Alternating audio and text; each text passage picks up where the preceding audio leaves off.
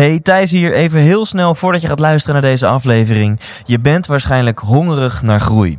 Je bent waarschijnlijk op zoek naar meer uit het leven. En ik kan je vertellen, dan ga je het enorm naar je zin hebben tijdens de 100% Inspiratieshow. Dit is een combinatie van een seminar waarin je veel gaat leren over geluk en een avondje uit waarin je vooral gaat lachen en het naar je zin hebt.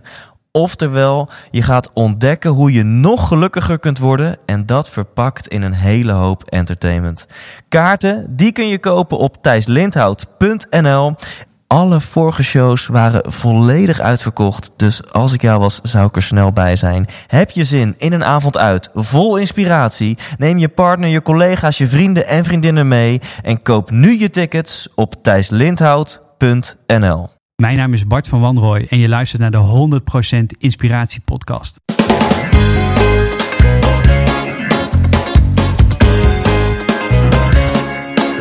Hey, wat goed dat je luistert. Hij staat weer voor je klaar. Je wekelijkse dosis inspiratie is weer daar. De allerleukste gasten geven al hun kennis prijs. Met je veel te blije host, hij praat je bij. Zijn naam is Thijs. Thijs,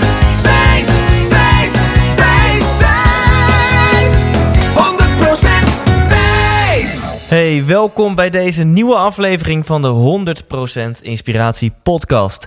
En ik heb Bart van Wanrooy geïnterviewd. Nou, wie is Bart en waarom heb ik hem gevraagd voor een interview? Bart, ehm, Bart zijn carrière begon als topsporter, als topschaatser. Waar hij eh, onder andere is getraind door Gianni Romme. En daar kun je natuurlijk bij, eh, bij Bart al zijn, ja, zijn sportmentaliteit, zijn doorzettingsvermogen, zijn ambitie kan je daar zien. En ergens tijdens zijn schaatscarrière werd hij geïnteresseerd in ja, hoeveel meuk we eigenlijk allemaal in ons lichaam stoppen. Wat we allemaal eten, wat we allemaal slikken aan pillen en supplementen. En daar, ehm, ja, daar ontstond zo'n grote interesse dat hij op onderzoek is uitgegaan. Dat hij een wetenschappertje is geworden. En dat vind ik mega interessant. Lang verhaal kort, want in het interview gaat hij het allemaal zelf uitleggen. Inmiddels is Bart oprichter en eigenaar van mijnlabtest.nl, waarmee hij DNA-testen doet. Nou, wat is er nu zo interessant aan DNA? Je bent ongetwijfeld bekend met bloedtesten. In een bloedtest kan je gewoon zien, heel actueel, uh, hoe het met je gaat. Welke waarden te hoog zijn, welke waarden te laag zijn. En uh, heel veel andere recente dingen, actuele dingen kun je daaruit oplezen. Uit je DNA kun je niks recents aflezen, maar kun je wel zien hoe je als het ware gebouwd bent. En of je nou, als je net geboren bent, een DNA-test laat doen of op je tachtigste jaar, dat maakt helemaal niets uit. Dat verandert niet. En dat is natuurlijk best wel interessant om te weten van, hé, hey, in de kern, hoe zit je in elkaar? Waar ben je wel en niet gevoelig voor? En uh, um, waar kun je dan eventueel rekening mee houden? Want we hebben het, net als Richard de Let, hebben het over preventief. Hoe kun je dus preventief een levensstijl uh, aannemen, zodat je langer, gelukkiger en vitaler kunt leven? En van tevoren dachten Bart en ik, nou, dat wordt een interviewtje van een kwartiertje, 20 minuten. Maar ja, na een tijdje flowden de, de vragen en antwoorden en flowde de energie. En werd ik steeds nieuwsgieriger en steeds geïnteresseerder. En ik hoop komend uurtje dat ik jou mee kan nemen op mijn interesse. En, uh, en dat je net zo gaat genieten van dit interview luisteren als ik ervan heb gegeven om het af te nemen. Um, ik vind Bart een mooie jongen met een mooi verhaal, met een heel mooi product. Hij is ook nog eens een pionier, want dit bestaat gewoon nog niet op deze manier een DNA-test. Dus ga ervoor zitten. Geniet. Hier is Bart van Wanrooy. 100% Thijs. Lieve luisteraar, uh, ik zit hier tegenover uh, Bart, Bart van Wanrooy in uh, mijn mini-studiootje hier in Amersfoort. En nou, jij zit helemaal met een grote glimlach hier voor mij, want je hebt zin om over je vakgebied te praten. Absoluut. Um, maar toch allereerst even een andere vraag. Wat wil jij worden als je later groot bent? Als ik later groot ben? Uh, gelukkig en gezond. Ik denk dat dat toch wel, uh, toch wel het allerbelangrijkste is. Ja, de twee G's. Ja. De twee G's. Ja. ja. De derde G van geld nog aan toevoegen? Nou, geld is, uh, is uh, prettig. En uh, leuk dat je erover begint. Want ehm, als startende ondernemer ehm, heb ik een tijd lang ook helemaal geen geld gehad. En zeg je wel, geld is niet zo belangrijk. Tot je het niet meer hebt. Dus ja. die derde G, die kun je er wel aan toevoegen. En vooral als je het gaat missen, is het even heel spannend. Dus geld is toch wel belangrijk. Dat is sowieso tof. En daar gaan we het zo meteen over hebben. Want dat, jij hebt de bekende sprong gemaakt. Hè? Van een vast salaris elke maand. Paar verlofdagen per jaar. Ja. Uh, heb je toch de sprong gemaakt naar ondernemer uh, zijn. En ja, je hebt dus ook gemerkt dat het heeft wat financiële gevolgen. Ja. Daar wil ik straks met je over hebben. Je zegt je wil gelukkig en gezond worden. Wat, wat is dat voor jou, gelukkig en gezond? Nou, gelukkig en gezond is, uh, is voor mij dat je, dat, je, dat je fit bent. Dat je kunt doen wat je graag wil. Als je een stuk wil hardlopen, dat dat, dat dat gewoon kan. En dat je lichaam eigenlijk geen beperkende factor is. Uh, om nog maar te zwijgen over, over ziek worden bijvoorbeeld. Dat is natuurlijk wat je, wat je niemand gunt. Dus, dus ja, werk en vrije tijdsbalans en, en kunnen doen wat je graag wil. Dat is denk ik het belangrijkste. Ja. Zouden we dan kunnen stellen dat jij nu misschien al gelukkig en gezond bent? Op dit moment wel. Ja. ja. Ik zou iets minder moeten werken, maar ja. uh, dat komt misschien de komende jaren wel. Ja. Nu is het heel druk. Ja. En um, dat zeg je heel mooi, dat je lichaam geen beperkende factor is. Ik denk dat veel mensen die luisteren, en, en ik heb het zelf ook, dat ik soms wel denk, ja, fuck. Soms is mijn lichaam wel een beperkende factor. Heb ik gewoon even niet de energie of uh, uh, niet, niet de focus. En um, ja, hoe, hoe, jij maakt het vaker mee, denk ik. Dat, dat mensen naar jou toe komen met zo'n soort van probleemvraag. Uh, hoe, hoe komt dat, denk je? Dat, dat toch in het leven van heel veel mensen hun lichaam vaak een beperkende factor is? Ja, het kan natuurlijk heel veel verschillende oorzaken hebben. En uh, dat, dat verbaast me soms ook wel. Dat er echt mensen zijn die bijvoorbeeld... Uh, ja, laatst kwam een vrouw bij mij en die, en die sliep, die sliep s'nachts niet. Bijna niet, kon niet slapen. En overdag dus ook helemaal geen energie. En die hele ja, biologische klok, zeg maar, was gewoon helemaal omgedraaid. En ja, dat is gewoon echt zo'n grote beperkende factor dat het gewoon je hele leven beïnvloedt. En uh, was ook van alles aan gedaan en jaren aan het zoeken en geprobeerd. En uh, ja, nou ja, daar lag bijvoorbeeld echt een chronische, langdurige, hele zware stress oh, lag daar aan de grondslag. Ja. En dan moet je echt weer, weer proberen dat, dat weer te resetten eigenlijk. Ja. Nou, dan heb je grote beperkende factoren. Nou, dat, dat, is dan, dat is dan één voorbeeld. En heb je misschien een algemene deler gevonden? Dat, dat je merkt van ja, ja, toch wel wat, wat vaak wel het geval is bij mensen. Dat door dit en dit en dit, dat hun lichaam soms een beperkende factor is. Ja, er is algemene delen, absoluut. En dat is uh, dat niet iedereen hetzelfde reageert op bepaalde zaken. Dus veel mensen zijn aan het zoeken ja. van wat past bij mij. En, uh, en uh, qua sport, wat past bij mij qua voeding. moet ik vitamine, mineralen nemen? En dat is vaak een grote zoektocht. Met ja. soms veel succes en soms geen succes. Als we op het gebied kijken van afvallen bijvoorbeeld. Het bekende yo-yo effect. Ja. En, een dieet werkt wel, dan werkt een dieet weer niet. Mensen raken er op een gegeven moment aan gewend en dan werkt het ook niet meer. Ja. En dus ja, individueel advies is denk ik gewoon heel erg belangrijk wat goed bij je past. Ja, dan hebben we gelijk eigenlijk een beetje het bruggetje met, uh, met waar wij ja, heel druk mee bezig zou, zijn. Je zou een radiomaker of podcast moeten worden. Maar toch, ik ben nog niet helemaal bevredigd. Oké, okay, uh, want, want, want, want kan je dan iets noemen? Je zegt, nou, elk lichaam werkt anders. Maar, maar heb je een bepaalde constante factor gevonden in, in, in wat misschien hardwerkende mensen of, of ambitieuze mensen misschien wel verkeerd doen met hun levensstijl, met hun gezondheid, met hun keuzes, waardoor hun lichaam soms een beperkende factor wordt? Ja, ja dat is zeker, uh, en met name ondernemers bijvoorbeeld, die ongelooflijk druk zijn. Is, is werk, uh, werkbalans, zeg maar, en vrije tijdbalans. Dus ja. wel blijven doen wat je eigenlijk daarvoor ook deed. Ik heb het ook bij mezelf gezien. Hè. Ik ja. hou van sporten. Ik ben het veel minder gaan doen. En veel meer met mijn werk bezig. En uh, uiteindelijk kun je zoveel uur maken als je zelf wilt. Ja. En is denk ik wel belangrijk dat je vrije tijd blijft doen. En daarnaast ook uh, ja, goed blijven eten. Of goed gaan eten. En gezond gaan eten. Verse producten. En zelf koken. Dat zijn denk ik toch wel twee hele belangrijke punten in het algemeen. Dus op tijd stoppen met werken. Uh, ook als het nog niet helemaal af is. Uh, niet heel de nacht doorgaan. Dus wel gewoon je ritme houden. Ja. Uh, niet alleen maar afhaal Chinees gaan eten. Ja. Omdat je heel druk bent. Want ja. uiteindelijk is dat gewoon een korte termijn oplossing. Ja, maar Domino's Pizza mag wel, toch? Altijd. Oh. nee, dat mag natuurlijk ook niet. In ieder geval, alles mag. Nee, maar dat, dat, dat, dat nee, is mijn guilty pleasure. Als ik nou echt even te lang heb gewerkt. En ik gezin om te koken. En het is alweer acht uur geleden dat ik heb geluncht. Dan is mijn guilty pleasure vaak een Domino's pizzaatje. Ja, dat, die maar daarna voel ik me niet aan top of the world, kan ik je vertellen. Nee, nee, nee. nee, nee. En je moet oppassen dat... dat kan, dat kan best een keer natuurlijk.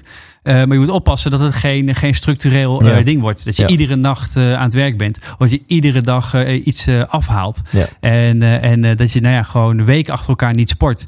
Ja, er worden allerlei hormonen aangemaakt tijdens sporten. En nou ja, dat moet allemaal gewoon wel eigenlijk doorgaan. Ja, dus je noemt eigenlijk dus, gewoon de cliché dingen. Maar het zijn niet niks clichés. Want ze zijn gewoon best wel waar. Ze zijn best wel waar. Gewoon te hard werken. Geen stopknop hebben. Daardoor ongezond eten. Geen balans in je leven. Te weinig sporten. Um, te veel stress. Nou, en de, Ja. het voorbeeld waar je uh, vijf minuten geleden mee kwam, dat is dat die vrouw had serieuze klachten. Uh, gewoon niet kunnen slapen overdag, dus geen energie. En misschien ook wel een beetje depressief. Ik kan me Ja. heel, heel goed voorstellen dat dat erbij komt kijken. En dat kwam gewoon door stress. En kwam gewoon door stress. Ja. Ja. veel te hoge stress. En dat kun je ook wel op biochemisch niveau heel goed eh, uitleggen. Als je continu in de, in de aanstand staat, Ja. eh, dan kan je lichaam best lang compenseren. Sommige mensen week, sommige mensen maanden. Ja. Maar uiteindelijk is je lichaam dusdanig moe. En dan is je bijnier en dan stopt hij ermee. En heb je gewoon geen energie meer. Ja. En dan En- kunnen we, ja? En kun je doen wat je wil. Maar dan, eh, dan heb je, ben je verder van huis. En dan kunnen we uiteindelijk heel therapeutisch of filosofisch worden. Hè? En dan de vraag stellen van ja, maar waarom maak je dan die keuzes in je leven? Wat, wat ligt in grondslag aan jouw keuzes? Waarom vind je die laptop of die to-do's of eh, die mails of dat werk belangrijker dan je gezondheid? En, ehm, maar goed, dat, dat moeten mensen die nu luisteren maar voor zichzelf eh, beantwoorden. Want met jou gaan we denk ik meer in de richting van, eh, van wetenschap, van je lichaam. vitamines, mineralen, voedingssupplementen. Ja. Ehm, maar ik begon met de vraag: wat wil je worden als je later groot bent? Toen zei je gezond en gelukkig. Als ik die vraag aan een, eh, een, een Bart van eh, acht jaar oud had gesteld, had je volgens mij iets anders genoemd. Een wereldkampioen. Ja, eh, op welk gebied? Schaatsen. Ja, Ja. nou, vertel daar eens wat over. Ja, ik heb, ik heb altijd geschaatst. Vanaf acht jaar. dus dat heb je toevallig goed gegokt. Hè? Dat, Mm. dat was de leeftijd dat ik begon. Kijk eens aan. En ehm, ja, dat is een fantastisch mooie sport. En ehm, dat is ook een beetje het begin geweest van mijn carrière in, in deze branche. In de gezondheidsbranche en in de, in de wat meer medische branche, zeg maar. Eh, omdat ik, eh, als je gaat, eh, gaat schaatsen en je wordt steeds beter, dan wordt het steeds belangrijker om harder te trainen. Dus dan begin je mee. Ja. Je gaat harder trainen. Naarmate je ouder wordt, steeds harder trainen. Maar op een gegeven moment zijn er andere dingen belangrijk zijn. Je moet ook goed slapen. Je moet ook goed eten. Ja. Nou, en er komt steeds meer bij kijken. Dat je op een gegeven moment eh, zat ik in een profploeg bij Gianni Romme en, eh, en Arnie Vriesinger in Duitsland. Ja, niet de minste. Niet de minste. Daar kon ik fulltime met mijn sport bezig zijn. Ja. Dus er kwamen uiteindelijk ook voedingssupplementen om de hoek. En ik vond het wel heel interessant waarom ik die moest, moest gebruiken. Weet je? Dat is een stukje natuurlijke interesse. Van nou ja, er wordt mij geadviseerd om magnesium te nemen. Maar waarom dan? Hè, wat doet dat dan? Dus ik had altijd heel veel vragen. En eh, iedere vraag die ik stelde, daar kon ik eigenlijk daarna weer nog weer drie, vier meer vragen over stellen op de antwoorden. Dus er kwamen alleen maar meer vragen. En dat is eigenlijk het zaadje geplant van, hey, wat doet dat dan met je lichaam? En hoe kun je dat optimaliseren? En hoe kun je zo gezond mogelijk of zo fit mogelijk zijn? Maar net wat je doelstelling is eigenlijk. Ja. Hè? En eh, dus ja, vanuit die schaatsachtergrond eh, ben ik uiteindelijk de ortomoleculaire voedingssupplementenhoek ingegaan. Dus Ja. eerst full focus. Ik wil beste schaatser ter wereld worden. Ja. Dat is helaas niet gelukt. Nee, Sven Kramer was me altijd voor. Ja, ik, kon, ik kon maar niet winnen van hem. En eh, ja, zat jij in zijn eh, groepje ook? Of? Ja, ongeveer wel. Ja. Ja, Sven Kramer is wel, eh, wel degene die ongeveer dezelfde leeftijd heeft als, als ik. Ja. Dus ja, ik kwam nog wel eens tegen, links en rechts. Oh, veel joh. te weinig eigenlijk. En wat was jouw favoriete afstand? Eh, Een beetje zo de 500, 1000, 1500. Waarmee Ja. je mee, En, eh, en wat zijn dan je- je- jouw toptijd op de 500 of op de 1000? eh, 1000 is 113, Ja. 113,9. Eh 1500 meter is 153. Ja. Dus dat, eh, ja, weet je, dat gaat En de, ter vergelijking, de toppers, wat doen die? De toppers rijden ja, 1, eh, 1,8, 1,7 zelfs Ja. tegenwoordig. En Ja. 1,43, 44. Ja, Wel op precies. hooglandbanen. Ja. Dus dat, zijn, eh, dat, dat gaat tot harder dan, eh, dan laaglandbanen. ja. Maar, eh, maar het is gewoon nog steeds een groot verschil. Ja, maar Ja. je eh, zet twee schaatsen onder jou en jij komt aardig vooruit. Ik kan harder schaatsen dan wielrennen. Ja, ja. Dus je gaat, gaat wel boven de 50 km per uur. Ja, dus eh, het gaat wel hard. Lekker. Ja. En uiteindelijk werd je dus heel eh, nieuwsgierig naar wat, wat doen al die voedingssupplementen. Ja. En hoe is jouw zoektocht of jouw onderzoek, hoe is dat toen begonnen? Nou, eigenlijk echt vanuit dat sport. van ik wil mijn lichaam optimaal prepareren. En wat, heb ik, wat heb ik daarvoor nodig? En, eh, en uiteindelijk eh, ja, kwam ik daar steeds dieper in terecht. Vond ik steeds interessanter worden. En ik ben heel abrupt gestopt met schaatsen. Want eh, ik dacht, of ik ga de wereldtop halen, of ik stop meteen. Want het leven heeft zoveel mooie dingen. Ik wil, ik wil niet de rest van mijn leven in de middenmoot eindigen. Ja. Want ja, wat heb ik daar uiteindelijk aan? Het, het levert geen geld op. Dus als we het over het geld hebben, nou, daar hoef je dan niet voor te doen. Nee, nee, er. Moet, er moet geld bij. Ja. Ehm, en heb ik dan een dusdanige naam opgebouwd dat ik bij een bedrijf binnenkom en dat ze zeggen van... oh meneer Van Wanrooy, ja wat leuk, mogen we een handtekening... en we hebben wel een leuke baan voor je. Nee, want ze kennen je niet als je in de middenmoot eindigt. Ja. Dus dacht ik, nou dan wil ik mijn maatschappelijke carrière... dan ook zo goed mogelijk eh, uit de verf halen. Dus ben ik heel abrupt gestopt en eh ortomoleculaire geneeskunde gaan studeren... en ben ik weer voor een eh, voedingssupplementenfirma gaan werken. Omdat daar ook mijn affiniteit lag, Ja. zeg maar. Ja. Ja, en met dus met een missie, denk ik. Want jouw missie was of een persoonlijk interesse. Van wat, wat doet die shit? Of in elk geval Ja. die stoffen. Wat, wat doet dat met je lichaam, met wat je doet dat nou gezondheid? precies? Ja. En, en ja, eh, we hebben- we- hoe, wat, is het nou een placebo of werkt het nou echt? En, Ja. eh, en, en kunnen we dat dan ook meten? En, eh, en eh, ja, gewoon super interessant. Ik Gewoon- voel nu gewoon mijn luisteraars. Oh, kom op met die conclusies. dus dan, ne- ne- neem ons mee. Je, wat waren je eerste bevindingen ehm, toen je daar begon te werken, zeg maar? Ja, mijn eerste bevindingen was dat het. eh, ik, ik heb een, daarvoor een heel eh, eh, korte tijd in de, in de voedingsmiddelenindustrie gewerkt. Geen leuke branche. Maar ik, ik merkte wel dat het qua marketing en, en zo dat die, dat die voedingssupplementenbranche gewoon nog niet zo ver is, zeg maar. Ja. Dus ik was een beetje, ik stapte een beetje terug in het stenen tijdperk. Zeg maar op een pamflet eh, werden er werden adviesjes gemaakt. Het is trouwens heel snel verbeterd nu de afgelopen vijf jaar. Nu Ja. is het wel een professionele markt. Maar dat was toen eigenlijk nog niet. Een, een, een redelijk nieuwe markt. Ja, en, en in die zoektocht kwam ik eigenlijk eh, naar voren dat het heel vaak heel goed werkt. Dat er moeilijke klachten, zeg maar, eh, toch goed eh, verholpen worden of ondersteund worden met voedingssupplementen. Ja. En dat heel veel mensen er heel veel baat bij hebben, maar ook weer niet iedereen. En ieder voedingssupplement, daar zit veel verschil tussen voedingssupplementen in kwaliteit, in werkzame stoffen. Dus ik kwam er ook gelijk achter dat het ongelooflijk ingewikkeld is om, eh, om, eh, om, ja, om de, de vinger op de zere plek te leggen. Van Ja. welk voedingssupplement werkt nou op welk moment en hebben die mensen daar ook baat bij. Ja. Eh, je kunt heel veel voedingssupplementen slikken en niks merken. ja. En soms dan is een voedingssupplement in één keer echt iets wat in één keer... eh, bijvoorbeeld kramp uit iemands benen. Iemand die veel kramp heeft. Dat kan magnesium in één keer heel veel helpen. Maar Ja. dat moet wel de goede vorm zijn. En dan moet je ook echt een tekort hebben. Nou, en ga zo maar door. toch bizar, hè? Dat de, de, de schappen bij Kruidvat en bij natuurwinkels... die liggen helemaal vol hiermee. En dat, dat jij jezelf gewoon hele simpele vragen aan het stellen was van... werkt dit nou echt? Zitten er werkzame stoffen in? Eh, heeft het een placebo-effect? Heeft het op iedereen hetzelfde effect? En dat je daar eigenlijk gewoon geen antwoord op, op kon krijgen. Nee, dat is heel moeilijk. Dat is heel moeilijk. En eh, aan de ene kant begrijp ik het ook wel. Want er wordt, eh, er wordt niet zo heel veel onderzoek gedaan met voedingssupplementen. Ja. omdat je het ook niet kunt patenteren. Dus dat betekent dat als je een groot onderzoek doet met een voedingssupplement. En daar bijvoorbeeld nou ja, vijf ton of, of een miljoen in, Ja. in euro's in. Ja, de farmaceutische industrie gaat het soms ook wel om tientallen en honderden miljoenen. Ja, precies. Daar kun je heel veel geld in stoppen. Maar dezelfde stof kan de buurman gewoon ook eh, eh, verkopen en in een potje stoppen. En eh, die heeft het hele traject niet, eh, niet, niet van, van research niet hoeven betalen. Ja. Dus omdat je het niet kunt patenteren, wat op een gegeven moment op zich ook een goed ding is, is het ook wel moeilijk om daar veel onderzoek mee te doen. Want niemand gaat hete kolen uit het vuur halen voor, voor de branche. Dus zeg maar. de, de grote farmaceuten hebben er eigenlijk weinig baat bij om heel veel R&D-euro's in die voedingssupplementen te knallen. ja, dat want- doe- ja, precies. Want je buurman kan dan meteen met jouw bevindingen hetzelfde stofje verkopen. Ja, het zijn vrij verkrijgbare stoffen. Dus Ja. je kunt het dan niet goed eh, patenteren. En het is ook complex, want voedingssupplementen bestaan vaak uit heel veel verschillende stofjes. En het is ook heel moeilijk om heel concreet daar een, eh, goed onderzoek op, te, op los te laten. Ja. Zeg maar. Er zitten veel vari- variabelen in zo'n onderzoek met veel stoffen. Ja, dus is jij was in eerste instantie niet bevredigd. Jij dacht, ja, ik wil die antwoorden. En die kreeg je niet. Nee, en ik wilde in ieder geval graag ehm, eh, voor therapeuten dat ze eh, Mhm. hun, eh, hun resultaten als een voedingssupplement inzetten, Ja. dat ze ook het resultaat goed kunnen meten. ja. Ik denk, ja, als je nu niet 100% zeker kan zeggen met wetenschap van nou, dit doet een voedingssupplement, zeg maar. Ja. Dan is het wel heel fijn om in bloedwaarde bijvoorbeeld te kunnen zien, oké, ehm, eh, ik heb iemand met een heel laag vitamine D-level. Dat hebben we gemeten, dat weten we. Ja. Die hebben we een half jaar lang hoog gedoseerd vitamine D gegeven. Een goed opneembare vorm. Hè? Mhm. En dan een half jaar kunnen we meten van... hey, wat is nu het vitamine D-level? Is dat ook beter in het bloed? Ja. Is dat opgenomen? Ja. Heeft dat zijn werk gedaan? Ja. en dat is denk ik iets waar we naartoe moeten als branche. Ja. Dat we het, eh, dat we het eh, wetenschappelijk in kunnen kaderen en kunnen monitoren.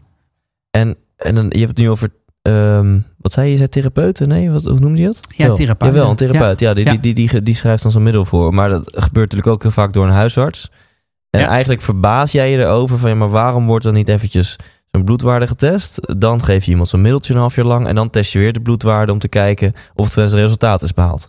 Ja, nou voor artsen kan dat dan nog wel. Als Ja. ze- maar dan, dan moet er ook echt wel een heel zwaar tekort zijn. En echt, echt serieuze klachten zijn. Ja. Ja, we willen eigenlijk liever voor dat stadium al optimaliseren eigenlijk. Ja. Hè? Dat is wat het is. Ja. Dus als je echt de, de, mist indraait, zeg maar, en, en serieuze klachten krijgt, ja, dan ga je op een gegeven moment zo'n traject in dat ze met een bloedonderzoek. Maar ik wil veel liever preventie. Dus voordat er iets fout fout gaat, voordat je dusdanige tekort hebt dat je echt klachten ontwikkelt, Mhm. willen we eigenlijk al dat optimaliseren en dat die kaart hebben. Dus i- i- is het, is, eh, ja, ehm, is zit hier een oproep in dat je eigenlijk tegen iedereen zegt van alsjeblieft laat je bloedwaardes testen, want dan heb je gewoon heel goed inzicht in hoe jouw gezondheid ervoor staat. Ja, so- ik denk dat het goed is om soms wat dingen te laten testen. Ehm, eh, en dan te kijken van ja, hoe, hoe zit ik nu? En heb ik supplementen wel echt nodig? En, eh, en eh, de- als ik ze gebruik, doet dat dan ook wat voor me? Ja. En ik denk dat we daar gewoon veel, veel ja, wetenschappelijker mee om moeten gaan. Maar ook voor consumenten kunnen dat natuurlijk zelf doen tegenwoordig. Ja. Ik denk dat dat gewoon, dan ben je echt gericht bezig met iets wat bij jou past. En je ziet gewoon dat sommige mensen honderden euro's, het zijn echt honderden euro's per maand aan voedingssupplementen slikken. Zo. En, eh, en eh, ja, we weten helemaal niet of dat eh, zijn werk wel doet, of ze het opnemen en dat soort zaken. Terwijl Ja. dat toch wel redelijk in kaart Ja, kunnen en ik weet dat mijn luisteraars hongerig zijn, hongerig naar meer geluk, meer gezondheid, meer geld. Dus ja, als je hongerig bent naar meer gezondheid, dan eh, voordat je die honderden euro's eh, eh, over de balk smijt, check eventjes of, ze, of je ze in de juiste richting smijt en of ze jou het gewenste resultaat ja, helpen. ja, ja. En maar ben je dan met deze missie van nou laten we meer gaan testen, laten we meer echt wetenschappelijk onderbouwen, ben je door deze missie eigenlijk gestopt met werken bij die voedingssupplementen ehm, bij dat bedrijf? ja, eigenlijk wel. En wat ben je toen concreet gaan doen? Toen ben ik begonnen met, met bloed- en DNA-onderzoeken. Ja, DNA en, eh, en bloed is denk ik een hele mooie combinatie om dat te doen. Want ja, je wil die bloed onderzoeken. Je wil, dat, je wil kijken van heb ik een tekort of niet. Ja. En DNA kan je vertellen of je meer kans maakt op een tekort. Ja. Of meer kans maakt op een hoog cholesterol. Of meer kans hebt om een laag vitamine D-level te ontwikkelen. Ja. Het is je aanleg. Het is je, hoe je gebakken bent, zeg maar. En eh, eh, nou ja, dat, dat is denk ik heel interessant om voor lange termijn, voor de rest van je leven, richtlijnen te hebben. Waar je knelpunten zitten voor jou individueel. En dat kunnen we met bloed dan nameten. Of, of dat ook tot een acuut probleem zich heeft ontwikkeld. Ja. En of je dat oplost als je met lifestyleveranderingen en voedingssupplementen aan de gang gaat. Ja, dus, dus bloed is zeg maar real time. Bloed is real time. Er is beïnvloedbaar. Exact. DNA is niet beïnvloedbaar. Nee, En is niet real time. Dat is, of in ieder geval altijd real time. Dat is vanaf je geboorte tot aan je kist, zeg maar. Is dat, is dat gewoon je DNA? Exact. Ja, dus dat heeft Ja. ook geen zin om vaker je DNA te meten. Eén Nee. keer meten en je weet het. Eén Ja. keer meten en je weet het. Ja. En ehm, ik denk dat sommige mensen nu, nu denken... Maar DNA meten, dat kost toch duizenden euro's... en dat is toch niet voor de gewone mens weggelegd? Nee, dat was tot voor kort ook zo. Ja, het duurde tot eh, twee jaar geleden duurde het zes maanden om, eh, om je, ge- eh, je, je DNA in kaart te brengen. Ja. Je moet het zo voor je zien. Ehm, in, in iedere cel zit eh, 1,8 meter DNA-streng. 3 miljard onderdelen eh, die allemaal bekeken moeten worden. Dat is echt ongelooflijk. Dus 3 miljard onderdelen in een celkern. eh 1,8 meter DNA. Dat is echt, echt bizar als je erover na gaat denken. Ja? Dus eh, één punt op papier met een pen, als je punt op papier zet, is net zo groot als 10.000 cellen. Dus als je dan 10.000 keer inzoomt, dan kom je bij een cel en er zit 1,8 meter DNA-streng in. Nou, dat is echt ja. ongelooflijk. En dat zijn weer miljarden... Er zijn 3 miljard onderdelen. 3 miljard onderdelen er in. Maar daar moet je naar kijken. We kijken naar die onderdelen. En, dat, eh, en eh, dat is ongelooflijk. Dat duurde dus maanden, tot twee jaar geleden. Ja, en nu kunnen we tegenwoordig al in een paar uur kijken in het DNA en op eh, dat eh, moleculair niveau. Wauw. Ja, en dat zorgt er gewoon voor dat het nu Hoe doe je dat dan? Wat voor apparatuur is daarvoor eh, ontwikkeld? En daar heb je een genoomsequencer voor nodig. Het wordt een beetje Oh, technisch. ding. Ja, ja, ja, ja, ja. wordt een beetje technisch, maar je hebt een apparaat nodig wat heel diep in kan zoomen op dat, op dat genoom, op je DNA dus. Ja. En wat we doen, we targeten dan een paar punten op je DNA, waar we een genmutatie, dus een afwijking in je DNA, uh, mogelijk kan zitten. Ja. En dan zoomt dat apparaat meteen in, poem, op dat punt en kijkt of dat daar zeg maar een kopieerfoutje zit. Noem ik Ja, maar even, ja, even heel uh. Jippe Janneke. En zo hebben we 124 punten vastgesteld in je DNA, gemarkeerd. Ja. En daar zoomt dat apparaat dan razendsnel op in en kijkt dan of dat daar een, uh, ja, een, een, een, een genfoutje zit, een genmutatie Ja. zit. En dan vanuit het DNA-onderzoek, wat je dus maar één keer hoeft te doen, wat tegenwoordig gewoon betaalbaar kan in een paar, paar uur, dan weet je gewoon precies, jij hebt een verhoogd risico op een hoog cholesterol. Of Ja.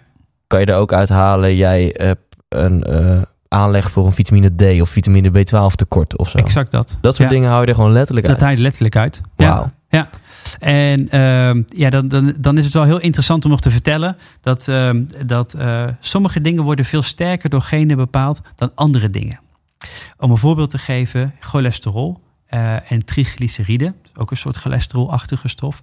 Dat is door 60 à 70 procent wordt dat door je genen bepaald. Ja. En dat wordt door ongeveer 40 procent door je lifestyle bepaald. Ah. Dus je genen zijn dan uiteindelijk nog wat belangrijker of je daar last van gaat krijgen Ja. dan je lifestyle. Maar bijvoorbeeld diabetes type 2, dus ouderdomssuiker wordt het ook wel genoemd, bloedsuiker, spiegelschommelingen.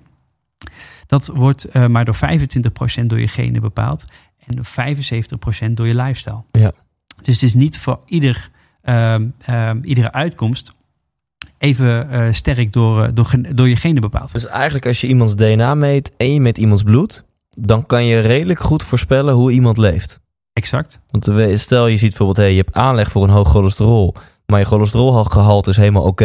dan kan je waarschijnlijk de conclusie trekken, hey, deze persoon die eet niet zoveel vet. Die is heel bewust op zijn vet aan het Ja, letten. Ja, Ik precies. noem even een voorbeeld. Exact. Ja, Ja. Ja, vinden we, dat vind ik altijd zo, zo interessant. Hoe kan het nou? We kennen allemaal, denk ik wel, zo iemand hè, die, eh, die toch niet zo gezond leeft. Bij de dokter vandaan komt en zegt: Nou, alles was weer goed. Ja. En die komen lachend, eh, hè, lachend komen ze thuis.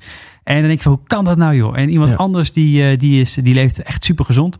En, en die heeft toch wat, wat, eh, wat een verhoogd cholesterol. En die moet eigenlijk toch aan die, aan die Ja, cholesterolverlagers. Ja, hoe kan dat dan? Nou, dat is dus genetica. Ja. En, eh, en ik denk als je dat combineert met die bloedwaardes, dan, kan je, dan kun je dus zien waar, waar liggen mijn knelpunten, Ja, waar, waar liggen mijn risico's. ja, En die kan je met bloed in de gaten houden. Met je lifestyle, daar komen ze ook adviezen uit. Met je lifestyle kun je dat dan verbeteren. En ja, als je dat in een beginstadium, kun je dat denk ik nog met lifestyle en voedingssupplementen heel goed ondersteunen. En zorgen dat het niet tot een probleem komt. ja. Maar ja, als je dat dus niet weet en eh, je te lang wacht en je dus ook ongezond leeft, Ja. zeker wat dus niet bij je past, ja, dan kan het leiden dat het op klachten leidt. En dan is het heel moeilijk om met, eh, met, met lifestyle dan echt, zeg maar, ja. terugwerkende kracht dingen weer op te lossen. En is het dan zo dat als je geluk hebt, dat je dan iemand bent die eigenlijk gewoon prima drie keer per week fastfood kan eten en dat je daar eigenlijk niet zoveel last van hebt?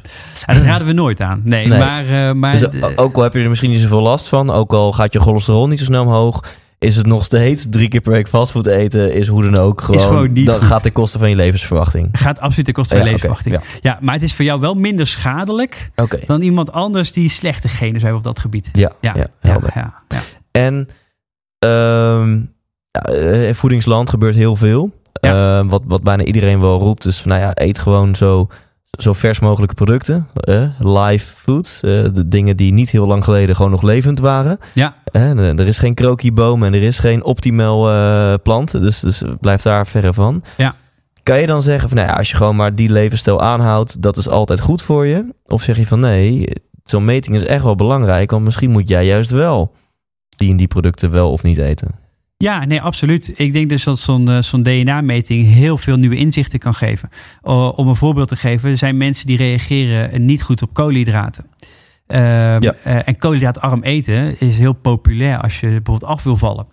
Ja, en er zijn gewoon mensen die reageren daar helemaal niet goed op, op koolhydraatarm eh, Ja. leven. Want dan gaat de stofwisseling naar beneden en ver- vertraagt. Ja. En dan vallen ze bijna niet af. Ze Ja. hebben heel veel moeite om een klein beetje af te vallen. Ja. En bij sommige mensen die dus niet goed op koolhydraten reageren, zeg maar, die eh, vallen in één keer heel veel af als ze koolhydraten gaan minderen. Omdat het ook veel beter bij hun past.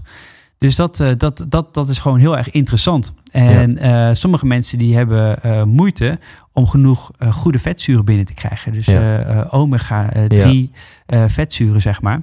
En kunnen dat niet goed verwerken. Dus die moeten eigenlijk veel meer omega-vetzuren nemen om uiteindelijk het HDL, het goede cholesterol, ook daadwerkelijk te verhogen. Ja. Dus sommige mensen hebben zeg maar aan één vette vis in de drie dagen genoeg. En sommige mensen hebben er gewoon drie nodig om hetzelfde te bereiken. Ja.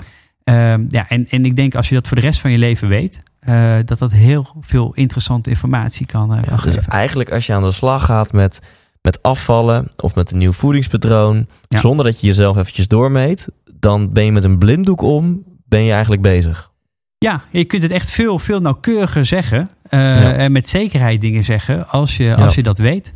Voor mezelf bijvoorbeeld, ik reageer slecht op, op cafeïne. Ja. En ik dronk altijd eh, vier, vijf koppen koffie per dag. Ja. En eh, ja, de, ik blijk er dus helemaal niet goed tegen te kunnen. Ja. En als ik meer dan, eh, dan, dan twee koppen koffie per dag drink, Ja. dan verhoog ik mijn risico op, op een hoge bloeddruk. Met heel veel procent. Ja. Dus dan heb ik veel meer kans op, op hart- en vaatziekten. Ja. Nou, dat zit ook in de familie. En het is voor mij eigenlijk een kleine moeite om van, van vier à vijf koppen koffie naar één en heel soms twee kopjes per dag te gaan. Ja. Dat heb ik nu gewoon doorgevoerd. Dat is de nieuwe standaard. Ik voel me daar ook gelijk beter Ja. bij, minder gejaagd. En, eh, en eh, ja, dat is iets wat je voor de rest van je leven kunt doen. Ja, elder. En als je dat maar gewoon 50, 60 jaar eh, zo blijft doen, dan is dat denk ik het voordeel op lange termijn ongelooflijk groot. Ja. Want ik, eh, ik heb ook Richard de Let geïnterviewd een tijdje geleden. Ja. En ik heb eh, aanstaande maandag bij hem een afspraak. En hij gaat mij ook helemaal doormeten. Dus ik neem, Oh. ik weet niet wat hij allemaal aan me gaat hangen. Maar eh die gaat ook wat metingen uitvoeren. Ja, wat leuk. En dus dat snap ik nu ook veel beter. Waarom je dat dus voordat hij tegen mij gaat vertellen... Van, oh Thijs, eh, nou, je, je bent een ectomorf of dit en dat. En we gaan dus dit voedingsplannetje doen. Gaat hij dus eerst mij doormeten. Ja. En ehm, Ja, hij wil dat ook gericht doen, zeg maar. ja, Ja, ja, ja, ja. Omdat het anders dan blijft het gewoon gissen. En dan ben je, ben je heel veel dingen aan het, eh, aan het eh, proberen. En soms werkt er iets wel heel goed voor je, soms werkt er iets niet goed voor je. Maar het blijft echt een zoektocht. Ja. Ja, en we kunnen het nu gewoon eh, veel duidelijker zeggen. ja, tof. Ik ben er zelf wel heel, heel nieuwsgierig naar. Want mensen die, die zien mij wel stuiteren in deze podcast. En als je mij een keer op het podium ziet, dan zie je mij wel helemaal stuiteren. Maar als je mij echt een week lang mee zou maken, dan, dan vind ik van mezelf dat ik veel te weinig energie heb voor iemand die eh, 29 lentes jong is. Ja, En daar erger ik mezelf aan. Denk, ja, fuck, ik wil gewoon meer energie. Dus eh, ja, nou, ik heb deze stap in elk geval nu gezet. Ik ben benieuwd eh, wat er uit zo'n meting komt. ja. Ja. En, eh, want je werkt ook samen met Richard, toch? Soms dan eh, laat hij DNA-testen door jullie uitvoeren. Ja, ja dat, eh, dat klopt. Ja, dus, dus Richard vindt het ook heel interessant om, om, ja, om hoe meer kennis en informatie je van iemand hebt, hoe beter je een, een maatplan kunt maken. Ja. En, en daarbij is bloed en DNA gewoon een, een, een, interessante, een interessante oplossing. Ja. En eh, ja, ook met sporten bijvoorbeeld. Er zijn mensen die hebben gewoon, eh, die, die, die, gaan, eh, die gaan krachttraining doen. Ja. En, en die willen gewoon grote, dikke spieren hebben. En die hebben gewoon daar niet de genetische bepaling voor. Ja. En ja, dan kun je je verwachtingen bijstellen. Want dan Ja. zul je nooit een nieuwe Schwarzenegger worden. Je kan nog steeds wel grotere spieren krijgen. Maar Schwarzenegger zou je nooit worden. dit, dit is dan een persoonlijke vraag. Ik weet wel zeker dat ik iemand ben die geen aanleg heeft om grote dikke spieren te krijgen. Ja, ja, ik Ehm, ook. en ik heb dan wel aanleg om droog gespierd te zijn. Hè? Ja. Want eh, ik heb dan geen last van, van vetjes en zo. Maar eh, heb je er toch nog een tip voor? Hè? Ik, ik heb er geen aanleg voor, maar wat zou ik dan moeten doen om toch zoveel mogelijk in de buurt te komen bij Arnold Schwarzenegger? Bij Arnold Schwarzenegger. Ja. Ja. dan moet je gewoon de, eh, doping. Gewoon heel veel Ja. hormonen spuiten. Nee, Ja, nee, dat moet je natuurlijk nooit doen. Nee. Nee, maar wat, eh, je moet je lichaam continu blijven triggeren. Dus eh, eh, veel verschillende workouts doen. En, eh, en soms gewoon echt krachtuithouding, zeg maar. Ja. Dus dat betekent dat je echt naar 12 tot, eh, tot 20 herhalingen gaat. Ja, met, met, en, en soms ook gewoon kracht max. En, en andere, andere verschillende soorten training continu inbouwen. Ah, continu oké. je lichaam triggeren. Ja, oké. dus gewoon continu eigenlijk, als je lichaam eenmaal gewend is aan bepaalde training, bepaalde oefening, bepaalde aantal herhalingen, bepaald aantal gewicht. Ja. Dan hup, nieuwe oefening, Omgooien. nieuw schema. Continu je lichaam. Continu je lichaam eh, eh, Ah, blijven triggeren. Want dan moet het zich aan blijven passen. En dat is eigenlijk uiteindelijk Ah. ook de, de, de progressie en de groei die je maakt. Dus ook bijvoorbeeld als je zware, zware krachttraining doet, eh, de gewichten eraf gooien en daarna met de kale stang bijvoorbeeld Ja. nog, nog even doen. Dan is je lichaam even in de war. ja. En, en dat zijn wel vaak hele goede dingen. Maar dit vind ik wel verhelderend. Want ik had het er gisteren nog met, met, met iemand over die wil aan krachttraining beginnen. En ik zei ook van ja, weet je wel, de ene trainer die zegt.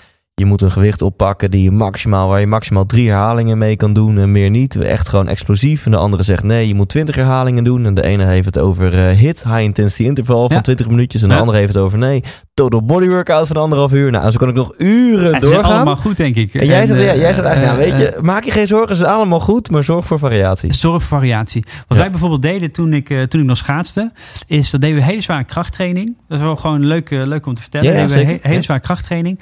Eh, dat je benen echt helemaal vol zitten met, eh, met, eh, met afvalstoffen, met melkzuur. En je staat te trillen bijna op je benen. Ja. En dan een schaatsplank. Dat is een soort schaatssimulator. Dat is een plank waar je, waar je schaatsbeweging op kan maken. Ja. En dan moesten we gewoon, gewoon eh, 130, 140 kilo squatten. Nou, dan ga je echt wel van, van stuk, zal ik maar Zo, zeggen ja. gewichten neerleggen en dan in één keer op zo'n schaatsplank. Nou, dan, dan sta je helemaal geparkeerd, want je hele coördinatie Ja, is weg. helemaal te shaken. Is het helemaal te shaken en het is een hartstikke ingewikkelde, moeilijke beweging. Ja, dat is, dat is voor je lichaam motorisch gezien natuurlijk helemaal eh, schakelen. Ja. Ja. en uiteindelijk word je daar beter van. Ja. En dat is heel interessant. Want de laatste ronde 1500 meter moet je ook met die verzuurde benen Ja, nog, eh, ja, nog door zo'n ja. bocht heen schaatsen. Ja, dus je simuleert al gewoon die, eh, die laatste paar meters. die laatste ja. paar meter. En, en dat is gewoon een enorme trigger voor je lichaam. En dat is heel goed. Leuk. Nou, ik, dit, dit, hier hou ik van. Dit is echt een praktische tip. Die, morgen wordt mijn home gym bezorgd. Dit is echt geen Echt geintje. Ik heb gisteren eh, voor een bescheiden vakantiehuisje aan, aan geld overgemaakt naar, naar zo'n zo'n zo, zo, zo'n tent. En morgen komen ze het allemaal bezorgen. Dus heb ik een compleet krachthonk ding in mijn huis. Ah, Eh, dus kan ik dit meteen gaan toepassen. Ja, Ja. veel variëren toch? Ja, dus eh, doorgaans het beste. Hey, en straks wil ik eh, ehm, wat, nog wat meer weten over die voedingssupplementen. Want dat, jij, jij gaf mij een kleine teaser bij de voorbespreking. Hè, over hè, bij de kruid, wat de een van 2 euro, de ander van 20 euro. Wat is nou het verschil Oh, en, ja. en dat soort dingen. Waar komt dat prijsverschil dan vandaan? Hè? Ja. Dat is interessant. Ja. Dus dat is even een, een teaser voor zometeen. Kan jij ehm, wat succesverhalen of gewoon wat verhalen delen van mensen die dus bij jou kwamen met een bepaalde klacht? En, en, en wat daar dan na een scan mee, eh, mee gebeurd is? Ja, natuurlijk. Ja, een, een, een goed voorbeeld. En dat is eigenlijk een, een recent voorbeeld van een paar weken geleden. Dat is een, eh, een, eh, een kennis van me met, met wat, wat overgewicht. En en die, wilde, die wilde graag afvallen, meer sporten. Hij heeft een, een, een zware baan die ook heel veel s'avonds moet werken. En ehm, nou goed, die wilde zijn lifestyle dus echt gaan verbeteren. En die is ervoor bij een personal trainer gekomen. En eh, ook een heel begaafd personal trainer, een hoge pet van op. En, eh, en eh, drie keer in de week personal training. Nou, kost ook een klein vermogen, zeg maar. Ja. En ehm, nou, wat ze deden was, eh, was eh, nou, eh, hij, hij at eigenlijk te weinig. Eh, hij was zichzelf aan het uithongeren. Dus wat ze zeiden van nou, dit is niet de oplossing. Je moet wel wat meer koolhydraten ook gaan eten. Want je hebt ook meer brandstof eh, nodig om dat training ook goed te doen. En eh, nou ja, we weten ook eh, als je af wil vallen en je gaat ook wat, wat, wat krachttraining doen. Dus echt spierkrachttraining doen. Eh, als je grotere spieren krijgt, die verbruiken meer energie. Dus uiteindelijk ga je daardoor ook wat meer vet verbranden. Ja. Dat is wel interessant. En nou, dat was eigenlijk het, het protocol waar ze dan zeg maar mee starten. En ja, dat, dat, dat, dat sloeg gewoon averechts aan. Dat lukte gewoon niet. Die, kwam, die beste man kwam eigenlijk juist wat meer aan dan Mm. dat hij afviel. En, en, en daarna bleef hij een tijdje stabiel. En daar hebben we een DNA-onderzoek gedaan, bij gedaan. Ja. En wat eruit kwam was dat hij eh, heel slecht op koolhydraten reageerde. En eh, eh, maximaal slecht. Dus dat advies om toch wat meer koolhydraten te gaan nemen, omdat hij ook meer verbrandt, ja, dat was eigenlijk paste niet bij zijn lichaam. Dus dat hebben we omgezet naar wat meer, nog wat meer eiwitten, wat meer vetzuren, zeg maar. Maar. Maar toch wat minder koolhydraten. Toch minder dan je eigenlijk zou verwachten. Ja. En eh, hij had het muscle volume gene. Dus hij zou wel de nieuwe Schwarzenegger kunnen worden. Dus ze ging krachttraining doen. Muscle volume gene. Ja, muscle volume gene. Ja. Ja. En eh, dus hij ging, hij ging zware, zware krachttraining doen. En, eh, en, en die spieren groeiden vrij snel. Ja. Maar daar zat natuurlijk nog vet voor, zeg maar. Ja. hij ook af wilde vallen. Dus aan de ene kant, die, die, die spieren onder dat vet, dat groeide best snel. Ja. Dus hij werd eigenlijk dikker. Komt omdat Ja. er ook spieren ondergroeiden. Ja. Maar werd ja. eigenlijk dikker. En dan met die koolhydraten erbij sloeg het dus niet aan. Ah, Nou, en aan de hand van die, van die genetische bepaling hebben we gewoon een trainingsschema omgegooid. Ja. En veel meer, meer cardio gaan doen, lichaams-eigen krachttraining. Minder echt die pomp, zeg maar, erop eh, opzetten. ja. Eh, en het voedingsplan aangepast. En nu vliegen de kilo's er, eh, eraf. Hij tof. nu 14 kilo lichter. In, eh, in een redelijk korte Ja, termijn. niet, niet vet, eh, tof. eh, ja, ja, ja, precies. ja. Dus, dus ja, dat is zo'n praktisch voorbeeld waarvan Ja. je echt zegt van nou, dat heeft, het heeft heel erg goed geholpen. En, en heb je ook een voorbeeld van iemand waarbij het misschien een, een iets heftiger geval, waarbij iemand dus echt zijn lichaam als beperkende factor ervaarde? Ehm, ja, ik heb wel een voorbeeld van iemand die, eh, die heel veel kans maakte op, eh, op eh, ehm, osteoporose. En het is botontkalking. Moet even op het Nederlands voor het botontkalking eh, Ja. komen, zeg maar. Ja, dat is een verschrikkelijke ziekte. Ja, Toch? ja en dat, Ja. Dat, ja, dan, dan ga je gewoon hele poreuze botten. Ja. En vrouwen die kunnen vanaf een 45ste, 50ste daar gewoon mee te maken krijgen. Dan daalt de oestrogeenspiegel. Ja. En dan heb je meer, dan, dan begint dat, eh, dat, eh, dat eh, noem het even aftakelingsproces. Niet Ja. oneerbiedig, maar dan begint Ja. dat te komen. En dat, dat, dat, dat, dat hou je niet tegen. En botontkalking, dat kunnen we meten in DNA. En ehm, dat hangt sterk samen met een aantal eh, vitamine en mineralen. Zoals vitamine D, vitamine K en dat soort zaken. Ja. Calcium, magnesium. En ehm, nou, deze persoon in de familie had ze allemaal botontkalking. En we hebben DNA-onderzoek bij eh, dit persoon gedaan. En die had veel meer kans op botontkalking. Zeg maximaal veel kans op botontkalking. Ja. Zit ook in de familie, hè? dus dat is ook familiair. Eh, en die had een heel laag vitamine D-gehalte. 40% lager dan de gemiddelde Europeaan. Nou, dat hebben we dan ook in het bloed gemeten. En dat bleek dus ook zo te zijn. En nou, vitamine D en botontkalking, dat hangt is onlosmakelijk met elkaar verbonden. Ja. Dus die persoon die eh, is nu echt eh, vitamine D aan het gebruiken. En we meten dat ook na. En Ja. vitamine K2 en andere eh, zaken. Eh, om te voorkomen dat, dat, dat er botontkalking uiteindelijk eh, Ja. eh, op het 50 levensjaar. Ja, en dat is een beetje, het is een beetje lange termijn. Dus Ja. niet zo dat je de dag daarna je veel fitter voelt. ja, Maar op die lange termijn kan het dus ongelooflijk veel doen. En dat is dan een mooi bruggetje, want zeg, nou, die persoon gaat dus meer vitamine D, ik denk, slikken. Ja. Ehm, en dan heb je dus een legio aan potjes. De ene van plastic, de andere van glas, de ene 2 euro, euro, de ander 20 euro. Ja. Ehm, neem ons eens mee. Welk potje moeten we kiezen? En zitten er potjes tussen waarbij jij zegt: maakt niet uit wat voor DNA-structuur je hebt, dit is gewoon meuk. Ja, ja er is, dat is er zeker. Dat is er zeker. Voedingssupplementen, je hebt allerlei verschillende vormen. En eh, omdat het eh, zo ingewikkeld het is, heel ingewikkeld. En omdat het zo ingewikkeld is, eh, zien consumenten door de boom het bos niet meer. Ja. Nou, er staan ook nog eens een keer eh, 30 meter aan Ja. rijen aan potjes. Welke moet je nu kiezen? Ja. Ja, dat is best complex. En ik kan je niet in één klap zeggen: dit eh, moet je wel kiezen en dat moet je niet kiezen. Ik weet wel dat als je de wat goedkopere merken hebt, en ik heb er ook veel eh, onderzoekjes mee gedaan, Ja. daar zitten gewoon heel weinig actieve stoffen in. Ehm, ik kan heel klein, ja, ik, kan het, ik doe het nu voor, maar dat zie je natuurlijk Ja, niet. Een beetje nageldikte. ja, een beetje nagel, nageldikte pilletje. En er zat van de B-vitamines, zeg maar zo'n beetje 2000 tot 2500 keer algemeen, eh, eh, algemene dagelijkse hoeveelheid zat daarin. Eh, dus heel hoog gedoseerd. En dat is een heel klein pilletje. En een vriend van mij die had in de 2000 keer wat je eigenlijk dagelijks nodig hebt. Ja, het klinkt nu heel extreem, maar dat, eh, dat, eh, je kunt niet alles opnemen. Dus uiteindelijk... Dit, dit is vrij gebruikelijk dat in een Is- pil gewoon de- gerust een paar honderd of een paar duizend keer Ja. de dagelijkse hoeveelheid zit. Ja, je kunt er maar een beperkt gedeelte van opnemen. Ja. Dus je moet best veel aanbieden om nou uiteindelijk echt iets op te nemen. Oké. Dus dat is wel heel gebruikelijk. Ja, oké. En een, eh, een, een eh, vriend van mij, die had dus zo'n pil bij een drogisterij gekocht. Ook die B-vitamines, ik heb dat vergeleken. En die pil die was 8 tot 10 keer zo groot. Dat is echt een grote pil. En daar zat van dezelfde B-vitamines 100 keer de aanbevolen dagelijkse hoeveelheid in. Ja. Dus die pil is acht keer groter. En er zit zeg maar 1 twintigste van de Dus werkzame je stof zou, in. je zou acht van die dikke, of twintig van die dikke jongens moeten slikken. Juist. Om dezelfde hoeveelheid binnen te krijgen Ja. als dat hele nageldikke mini-pilletje van een Ja. duurder merk. Ja. En dan vraag ik me af, wat zit er dan in? Ja. Wat is dan de rest? Ja. Want die pil is hartstikke groot. Ja, dit is opvulpoeder, talgpoeder, kleurstof, smaakstof, vulstof, noem het allemaal maar op.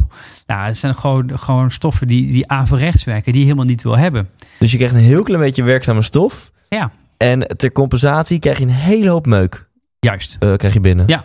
Ja, en, en dat zie je gewoon niet. En daar moet je er ook kennis van hebben. Je moet het dan ook vergelijken. En dat is nog het makkelijke. Dat kun je nog makkelijk vergelijken, één op één. Ja. Maar het wordt nog veel ingewikkelder als je weet dat je bepaalde dingen goed op kunt nemen of bepaalde dingen niet goed op kunt nemen. En dat kunnen we dus met DNA zien. Mensen die, eh, die bijvoorbeeld foliumzuur, eh, mensen met een bepaalde genmutatie, Ja. die hebben een 70% lagere opname van foliumzuur. Dus foliumzuur moet nog omgezet worden naar een actieve vorm, moet een Ja. methylgroep aangekoppeld worden en dan kun je het opnemen. Ja.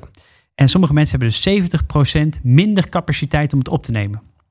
Nou, dan kun je dus wel eh, groene groenten eten, een foliumzuurtabletje nemen. Ja. Maar dan heb je dus veel meer nodig om het op te nemen. En er zijn ook voedingssupplementen die hebben al die actieve vorm in het voedingssupplement. Dus die hoeft het lichaam niet meer zelf om te zetten. Dus heb jij zo'n genmutatie, neem je het slecht op, dan kun je dus met zo'n actieve vorm van foliumzuur kun je het wel opnemen. Ah, Nou, dat is Ja. super interessant. En dan kan je heel gericht met, met, met de kennis, kun je heel gericht die voedingssupplementen kiezen. En ehm, eh, ja, dan heb je dus methyltetrahydrofolaat nodig. En eh, dat is die actieve vorm van foliumzuur. ja. En die wordt veel beter opgenomen, zeker als je zo'n genmutatie hebt. En, en zonder dat mensen, eh, hè, ik zou mensen zeker adviseren, ga een test doen. Ehm, maar zonder dat mensen dat doen, wat algemene tips. En elk Ja. blijf weg bij de goedkope eigen merkpotjes. En vraag bij je, bij je reformwinkel of de actieve vormen erin zitten. Van met name vitamine B12, Ja. eh, vitamine B6, eh, foliumzuur. Dat zijn toch wel eh, drie belangrijke voor energie. Zes, vitamine B6, vitamine B12, foliumzuur. Drie belangrijke nutriënten voor, voor je energie. Ja. Ja, en daar moet eigenlijk echt die actieve vormen in En zitten. staat, op het, staat dat op het potje ook? Of, eh, Ja, en er staat op cyanocobalamine of methyl- en adenosylcobalamine. Oh ja. Nou, succes. Nou, die laatste, Vraag het maar eventjes aan je. Ja. Ja. Ja, Dus die laatste twee moet je hebben. En dat is ook precies waarom ik zeg dat het zo ingewikkeld is. Het zijn moeilijke namen. Het is niet echt een transparante maar- markt. Dus als je eh, vertrouwen hebt in, eh, in, eh, in een goede reformwinkel, dan zullen ze je denk ik goed helpen. En ze zullen uitleggen, nou dit zijn die actieve vormen en daarom Ja. moet je die hebben. En over het algemeen ben je dan echt wel een stuk duurder uit. Dan ben je duurder uit. Ja, methylcobalamine is, eh, is ongeveer 15 keer duurder dan cyanocobalamine. Dus, eh, en die methyl moet je hebben, zeg Ja. maar. Die is gemethyleerd. En dan heb je over omgezet. B12 nu. Heb ik het over B12. Ja. ja. Dus, En ik heb, ja, sorry? dus, dus dat, dat, dat is echt heel erg belangrijk. En zeker als je een genmutatie hebt op je B12-gen, zeg maar. Mhm. Dan heb je van nature eh, moeite om het om te zetten en op te nemen, ja, dan moet je zeker die actieve vormen gebruiken. Want Ja. a- niet-actieve vormen hebben dan bijna geen zin voor je. Wauw, interessant. En ik heb wel eens gehoord dat je nooit plastic potjes moet hebben, maar glazen potjes. Is dat een ro- roddel of is dat echt waar? Ja, plastic is gewoon niet, eh, niet, eigenlijk niet wenselijk. Nou ken ik wel hele goede voedingssupplementen die in een plastic pot zitten hoor. Oké, Dus, eh, dus ik ken wel, eh, wel veel verschillende merken en bedrijven die dat heel goed doen, maar toch een plastic pot hebben. Ja. Je hebt ook nog verschillende plastic potten, BPA-free, en dan is het alweer een stuk minder erg. ja. Ehm, ehm, dus, dus dat is niet altijd waar. En ik ken ook voedingssupplementen die in een glazen pot zitten, waarvan ik denk van nou, dat is toch niet de actieve vorm. Nee, oké, dus dat, is- oké. dat, is- dat En, en kun je dan toch nog wat algemene tips geven? Van, nou ja, ik zou je sowieso aanraden, ongeacht je DNA, om, om dit type voedingssupplement te, te, te, te slikken. Dus ik zou bijvoorbeeld kunnen zeggen, ik kan iedereen aanraden om vitamine B12 af te slikken. Ehm, ja, ik kan iedereen aanraden om omega-vetzuren te slikken. Oké. Ehm, maar dan wel opletten dat het, eh, dat het zuivere visolie is. En dat zegt iedereen. Maar dan moet je eigenlijk eens vragen naar een totox-waarde. Dat is eh aniside en peroxide level. Dat is de oxidatielevel. Nou, Ja. een goede reformwinkel kan je er iets over vertellen. De Totex, Eh totox. Totox Totaal oxidatielevel. En, en waar moet die waarde tussen zitten? Die moet eigenlijk onder 12 zijn. Oké. En dat staat niet op het potje? Nee, Nee. nee. En ik denk dat, dat heel veel reformwinkels daar ook niet heel veel van gehoord hebben. Ja. Maar de goede wel. En je kunt er best wel wat informatie over vinden. Ja. En eh, eh, eh, dat is ongelooflijk belangrijk. Want anders werkt zo'n omega-supplement eigenlijk averechts. Want je moet, het moet ontstekingsremmend werken Ja. eigenlijk. En als hij geoxideerd is, ja, dan kan het juist ontstekingsmarkers uitlokken. Dus wil dit is het toch, niet dit is toch niet normaal, hè? Dat, dus er lopen gewoon duizenden mensen, nou honderdduizenden mensen hier in Nederland waarschijnlijk rond, die dus de- elke dag ze hun omega-pilletjes slikken. Ja. Maar eigenlijk heeft het geen werking of misschien zelfs een averechtse werking. Ja. En als je het heel praktisch wil eh, hebben, als je het opboert, als je visolie neemt en je het rispt op, je Ja. boert het op en het ruikt dan naar vis en het, eh, het rommelt in je maag, dan kun je ervan uitgaan dat hij geoxideerd is. Dat is wel een heel praktisch dingetje. Oké, dus dat is, Ja. dat is meuk. Ja, en als je potje openmaakt en het stinkt naar vis, dan is het ook echt niet goed. Oké. Ik heb toen ik eh, voor een voedingssupplementenfirma werkte, wel eens met klanten gewoon een, een visoliecapsule doorgebeten. Ja. En en nou, dan denkt iedereen, nou, dat is echt heel vies. Ja, dat valt wel mee. Dat smaakte gewoon naar vis, omdat het heel snel gecapsuleerd is en, en verse vis is. En die totoxwaarde ook heel laag is. ja. Dan kun je gewoon zo'n visoliecapsule doorbijten, zeg maar. Dan, is het, dan is het redelijk vers. Want Maar je, ja. je hebt geloof ik ook van het vloeibare spul, wat echt ranzig voor woorden is. Ja, Maar dat is dan waarschijnlijk ook het foute spul. waarschijnlijk eh, wel. Ja, ja, ja, als ja, het ja. vies is, dan is het vaak Ja, geen goed Oké, teken. oké. Nou, Ja. dat is zich fijn. Dat is zich fijn. Hey, en ehm, ja, je bent natuurlijk ook gewoon nog ondernemer. En je zei in het begin van, nou, je hebt je baan eh, stopgezet. En je hebt best wel wat financiële worstelingen gehad in het begin. Altijd spannend. Ja, Ja. hoe, ehm, hoe was jouw situatie? eh, en, en hoe heb je het aangedurfd om, om toch gewoon die sprong te wagen? Ja, dit is een, eh, een groot sprong natuurlijk. En, Ja. eh, en ehm, ja, wat ik heb gedaan, ik heb eh, altijd voor een bedrijf gewerkt, gewoon in loondienst. Ja. En ben eigenlijk een beetje subtiel overgeschakeld. En dat was wel heel fijn. Ik heb me nog een tijdje kunnen verhuren als zelfstandige Oh ja. aan het Dus je, je, je bedrijf. had wel een kleine financiële zekerheid. Ik had nog een kleine financiële zekerheid. Alhoewel met investeringen die gedaan zijn, nou ja, is het toch wel een heel groot risico. Ja. Eh, en, en na een half jaar ben ik, eh, had ik zo druk met mijn eigen eh, zaak, zeg maar. Ja. Toen fulltime, zeg maar niet meer verhuurde aan, aan voedingssupplementenfirma's. En gewoon alleen maar met, met het DNA en bloed bezig ben, ben geweest. Ja, en dan komt er een periode dat je echt nog in de opstart zit.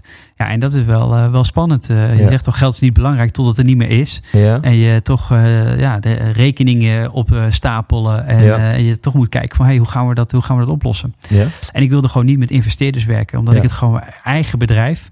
Ik wilde het zelf, zelf financieren. Want je bent toch niet helemaal vrij als je een investeringsmaatschappij achter je hebt. Wel veel aanbiedingen gehad van investeerders. Dat is wel interessant. Ja, ben je echt, goed bezig. echt veel. Eh, ehm, en, eh, en uiteindelijk allemaal niet gedaan. Omdat Ja. ik gewoon... Ik wil dit doen vanuit mijn kracht, mijn passie. Wat ik wil bereiken, wil ik. Ja. Ja. ik heb daar een idee bij. En ik wil me gewoon daarin niet eh, laten sturen door, eh, door ondernemers die financiële belangen hebben. Ja. En, eh, en er op een bepaalde manier druk op leggen. Ja. als topsporter heb ik zelf toch wel motivatie genoeg, zeg maar. Ja. Maar eh, ja, ik, dat hoeft niet eh, van een externe factor te komen. En ik denk dat je dan ook niet meer helemaal vrij bent als je met een investeerder werkt. Zeker. Eh, eh, zodra je, dat, dat zei gisteren iemand tegen mij, zei ja, zodra je geld aanneemt van iemand, heb je toch een werkgever. Juist. Ja, En dat is wat je met investeerders eh, dan hebt. En heel veel mensen zijn, behalve dat je je eigen passie wil leven, zijn mensen ook vaak ondernemer geworden omdat je vrijheid wil. exact. Ja, Ja, precies wat jij zegt. ja, ja, je wilt gewoon zelf bepalen. En hoe heb jij dat dan opgelost, die financiële uitdaging? Nou, het is vrij snel gaan lopen. je had gewoon succes, simpel. Ja, nou, ja. Dames en heren, zorg ervoor dat je succes hebt. Dan, eh, Ja, nou, dat is wel. Dat is wel ehm, op een gegeven moment krijg je het gevoel van: hey, dit kan wel eens wat zijn. Hè? Je hebt natuurlijk een idee. Ja. En DNA komt, komt best wel snel op nu. Ja. Er is heel veel over te doen. Eh, gisteren was nog, eh, nog eh, op het nieuws van Ja.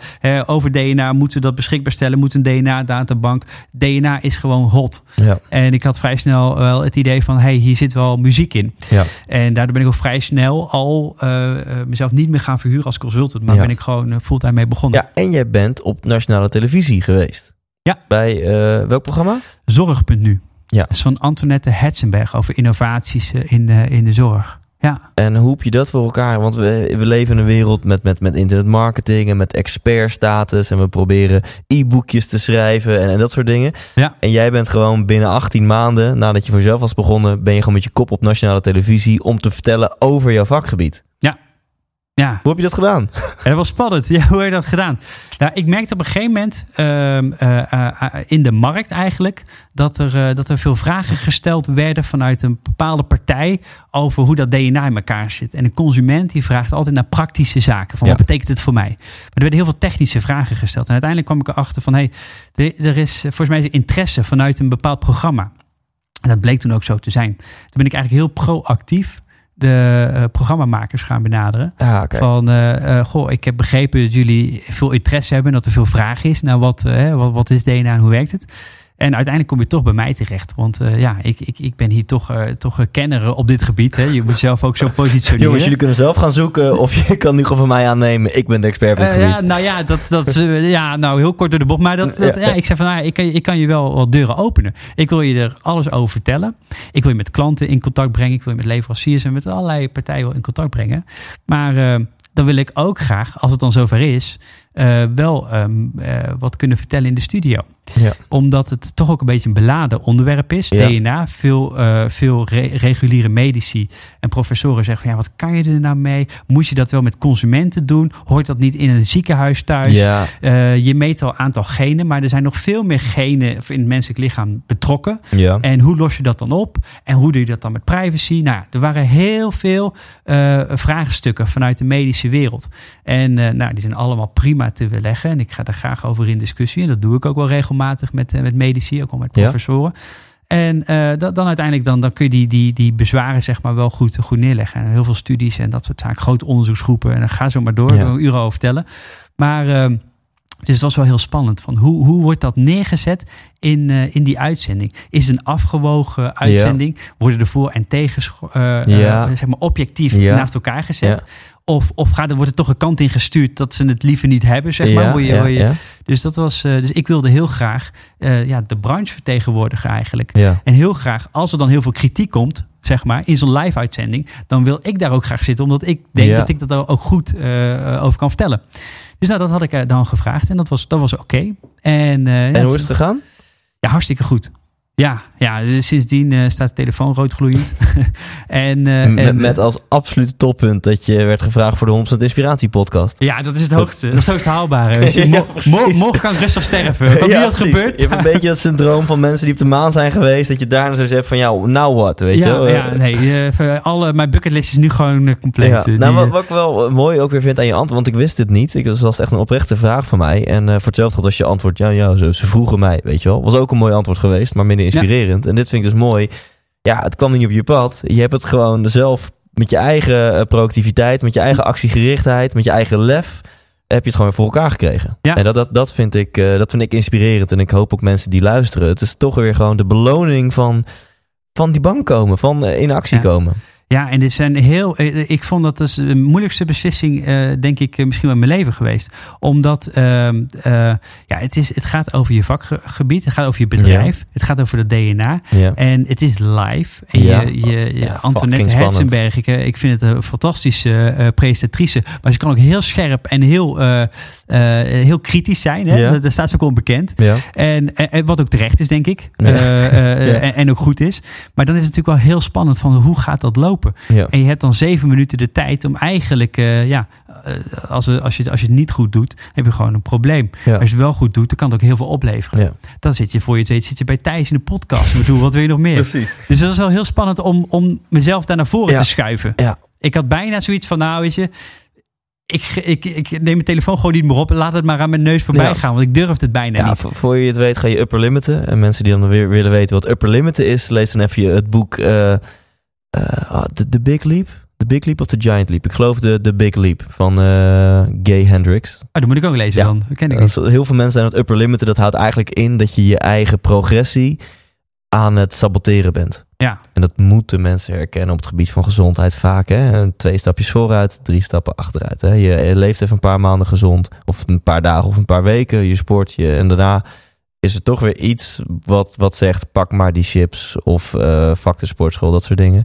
En dat heb je ook in je carrière en je relaties... en je, je gezondheid en je financiële situatie. Nou, daar kan ik uren over lullen. Dat doe ik nu niet, maar het is een interessant boek. Eh, Dus, eh, en wat jij net zei, dat is eigenlijk je upper limit problem. Zo'n stemmetje die dan eigenlijk voordat je een grote kans krijgt... wat eigenlijk Ja. super vet is... Ja. dat je toch een bepaald stemmetje krijgt... wat, wat eigenlijk wil dat je het toch maar niet gaat doen. Ja, ja, dit is gewoon hartstikke eng. Ja. En ik van, nou weet je, ik eh, kruip wel even onder een steen. Laat deze storm maar aan mijn neus voorbij gaan. En ik kom er wel onder vandaan Ja. als de wind is gaan liggen. Ja, en dan moet je volgens mij gewoon in de spiegel kijken. eh, eh, en dan zeggen van, wat ben ik aan het doen joh? Ja. Ik ga er gewoon vol voor. ik laat me niet afremmen. En, ja, en dan een goed hard muziekje eronder, wat je, waar je van houdt. En zeggen, wie maakt mij hier nou, wie maakt mij hier nou gek, zeg Ja. maar. Goed zo. En, maar dat is, dat is niet makkelijk hoor. Nou, laten we met deze wijze woorden afsluiten. Eh, tot slot, je mag een stukje ongegeneerde promo doen. Dus als mensen denken, ja, ik wil meer van, eh, van Bart. Ik wil zo'n scan doen, eh, et cetera, et cetera. Waar moeten ze zoeken? Ja, dat kan via mijn eh, labtest.nl. Mijnlabtest.nl Ja, mijn van ik, lab van laboratorium en test van testen.nl. Ja? En ja, daar staat eigenlijk alle informatie. Eh, we hebben eh, twee verschillende eh, DNA-onderzoeken. Eén is gericht op lifestyle, één is gericht op ziektebeelden, ontwikkeling. Nou, dat, dat, ehm, dat doen we veel minder mee. We vinden dat lifestyle-rapport vooral heel interessant, want dan kan je ook heel veel in je lifestyle kun je veel meer aanpassen. Dus ik, zit nu op mijnlabtest.nl en moeten mensen dan gaan klikken op overige testen of moeten ze gewoon klikken op DNA-onderzoek? DNA-onderzoek. dat, ja, dat is wat jij eigenlijk het meest aanraadt, hè? dat is wat mij het meest. DNA-onderzoek. Ja. Ja. En, En, dan heb je een DNA-lifestyle-onderzoek Nutrigene, bied je aan. Ja. Ja. Ja. en dat geeft, eh, dat geeft heel veel inzicht in, eh, in jouw vitamine mineraal opname bijvoorbeeld. Of je cholesterol eh, gevoelig bent. Ehm, eh, of je meer kracht of een duursporter bent. Hoe snel je herstelt na je training. Ja. allerlei informatie. Of Ja. je cafeïne goed af kan breken. Lactose intolerant bent of niet. Nou, Tof, ga zo maar even door. Je krijgt Ja. 110 pagina's met persoonlijke informatie. Maar, maar dat gaan jullie wel eh, clusteren in een eh, concreet eh, advies. En we hebben daar ook een app voor. Ja, oké. Hij staat nog niet online, maar hij is bijna af. Ja. En dan kun je ook op maat gemaakte informatie krijgen. Ja. En wat precies op jouw lichaam past. Mijnlabtest.nl. Interessant.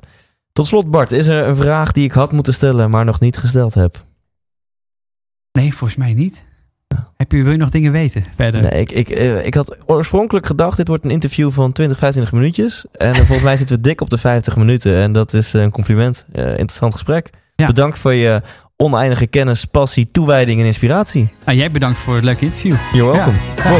Hey. Ja, bedankt voor het afluisteren. Echt, ik meen het. Als je dit hoort, dan ben ik je fan. Dan ben ik een heel groot fan van jou. Want dat betekent dat je niet alleen hongerig bent naar succes in de zin van je carrière en geld en dat soort dingen. Maar dat betekent ook dat je hongerig bent naar vitaliteit, naar gezondheid. En dat je denk ik ook wel een beetje open-minded bent. Dat je na zo'n intro van deze aflevering niet denkt, oh god, heb je er weer zo een. Maar dat je na zo'n intro gewoon denkt, nou, Laat, eens even, laat ik eens even checken wat die Bart te vertellen heeft. En dan heeft hij denk ik je verwachtingen op zijn minst overtroffen. En ehm, ik heb een weggevertje voor jou. Bart geeft drie keer een vitamine D bloedonderzoek weg. Dat is ter waarde van vier tientjes, dus ter waarde van 40 euro... kan jij een vitamine D bloedonderzoek kan je kosteloos namens 100% Inspiratie podcast kan je bij hem afnemen. Waarom nog geen DNA-test? Ja, die verkoopt hij ook op zijn website op mijnlabtest.nl. Maar die zijn even ietsjes duurder. Die beginnen vanaf een paar honderd euro. En ik weet wel zeker dat eh, veel van mijn luisteraars gaan overwegen om dat een keertje te doen. Want dat is natuurlijk bijzonder interessante informatie waar je voor de rest van, van je leven bijzonder veel aan hebt. Maar heb je interesse in een vitamine D bloedtest ter waarde van 4 tientjes? Mail dan naar thijs.thijslindhout.nl en dan maak ik volgende week in mijn podcast de winnaars bekend. Bedankt voor het luisteren. Tot volgende week. Leef vitaal, leef gezond en leef intens. Hey, wat leuk dat je hebt geluisterd naar deze aflevering. En als je het nog niet hebt gedaan, waar wacht je nog op? Ga nu naar thijslindhout.nl en koop je tickets voor de 100% Inspiratieshow. We gaan lachen, we gaan muziek maken en vooral gaan we samen op zoek naar geluk en succes. Neem je vrienden, je vriendinnen, je partner, je collega's mee. Koop nu je tickets op thijslindhout.nl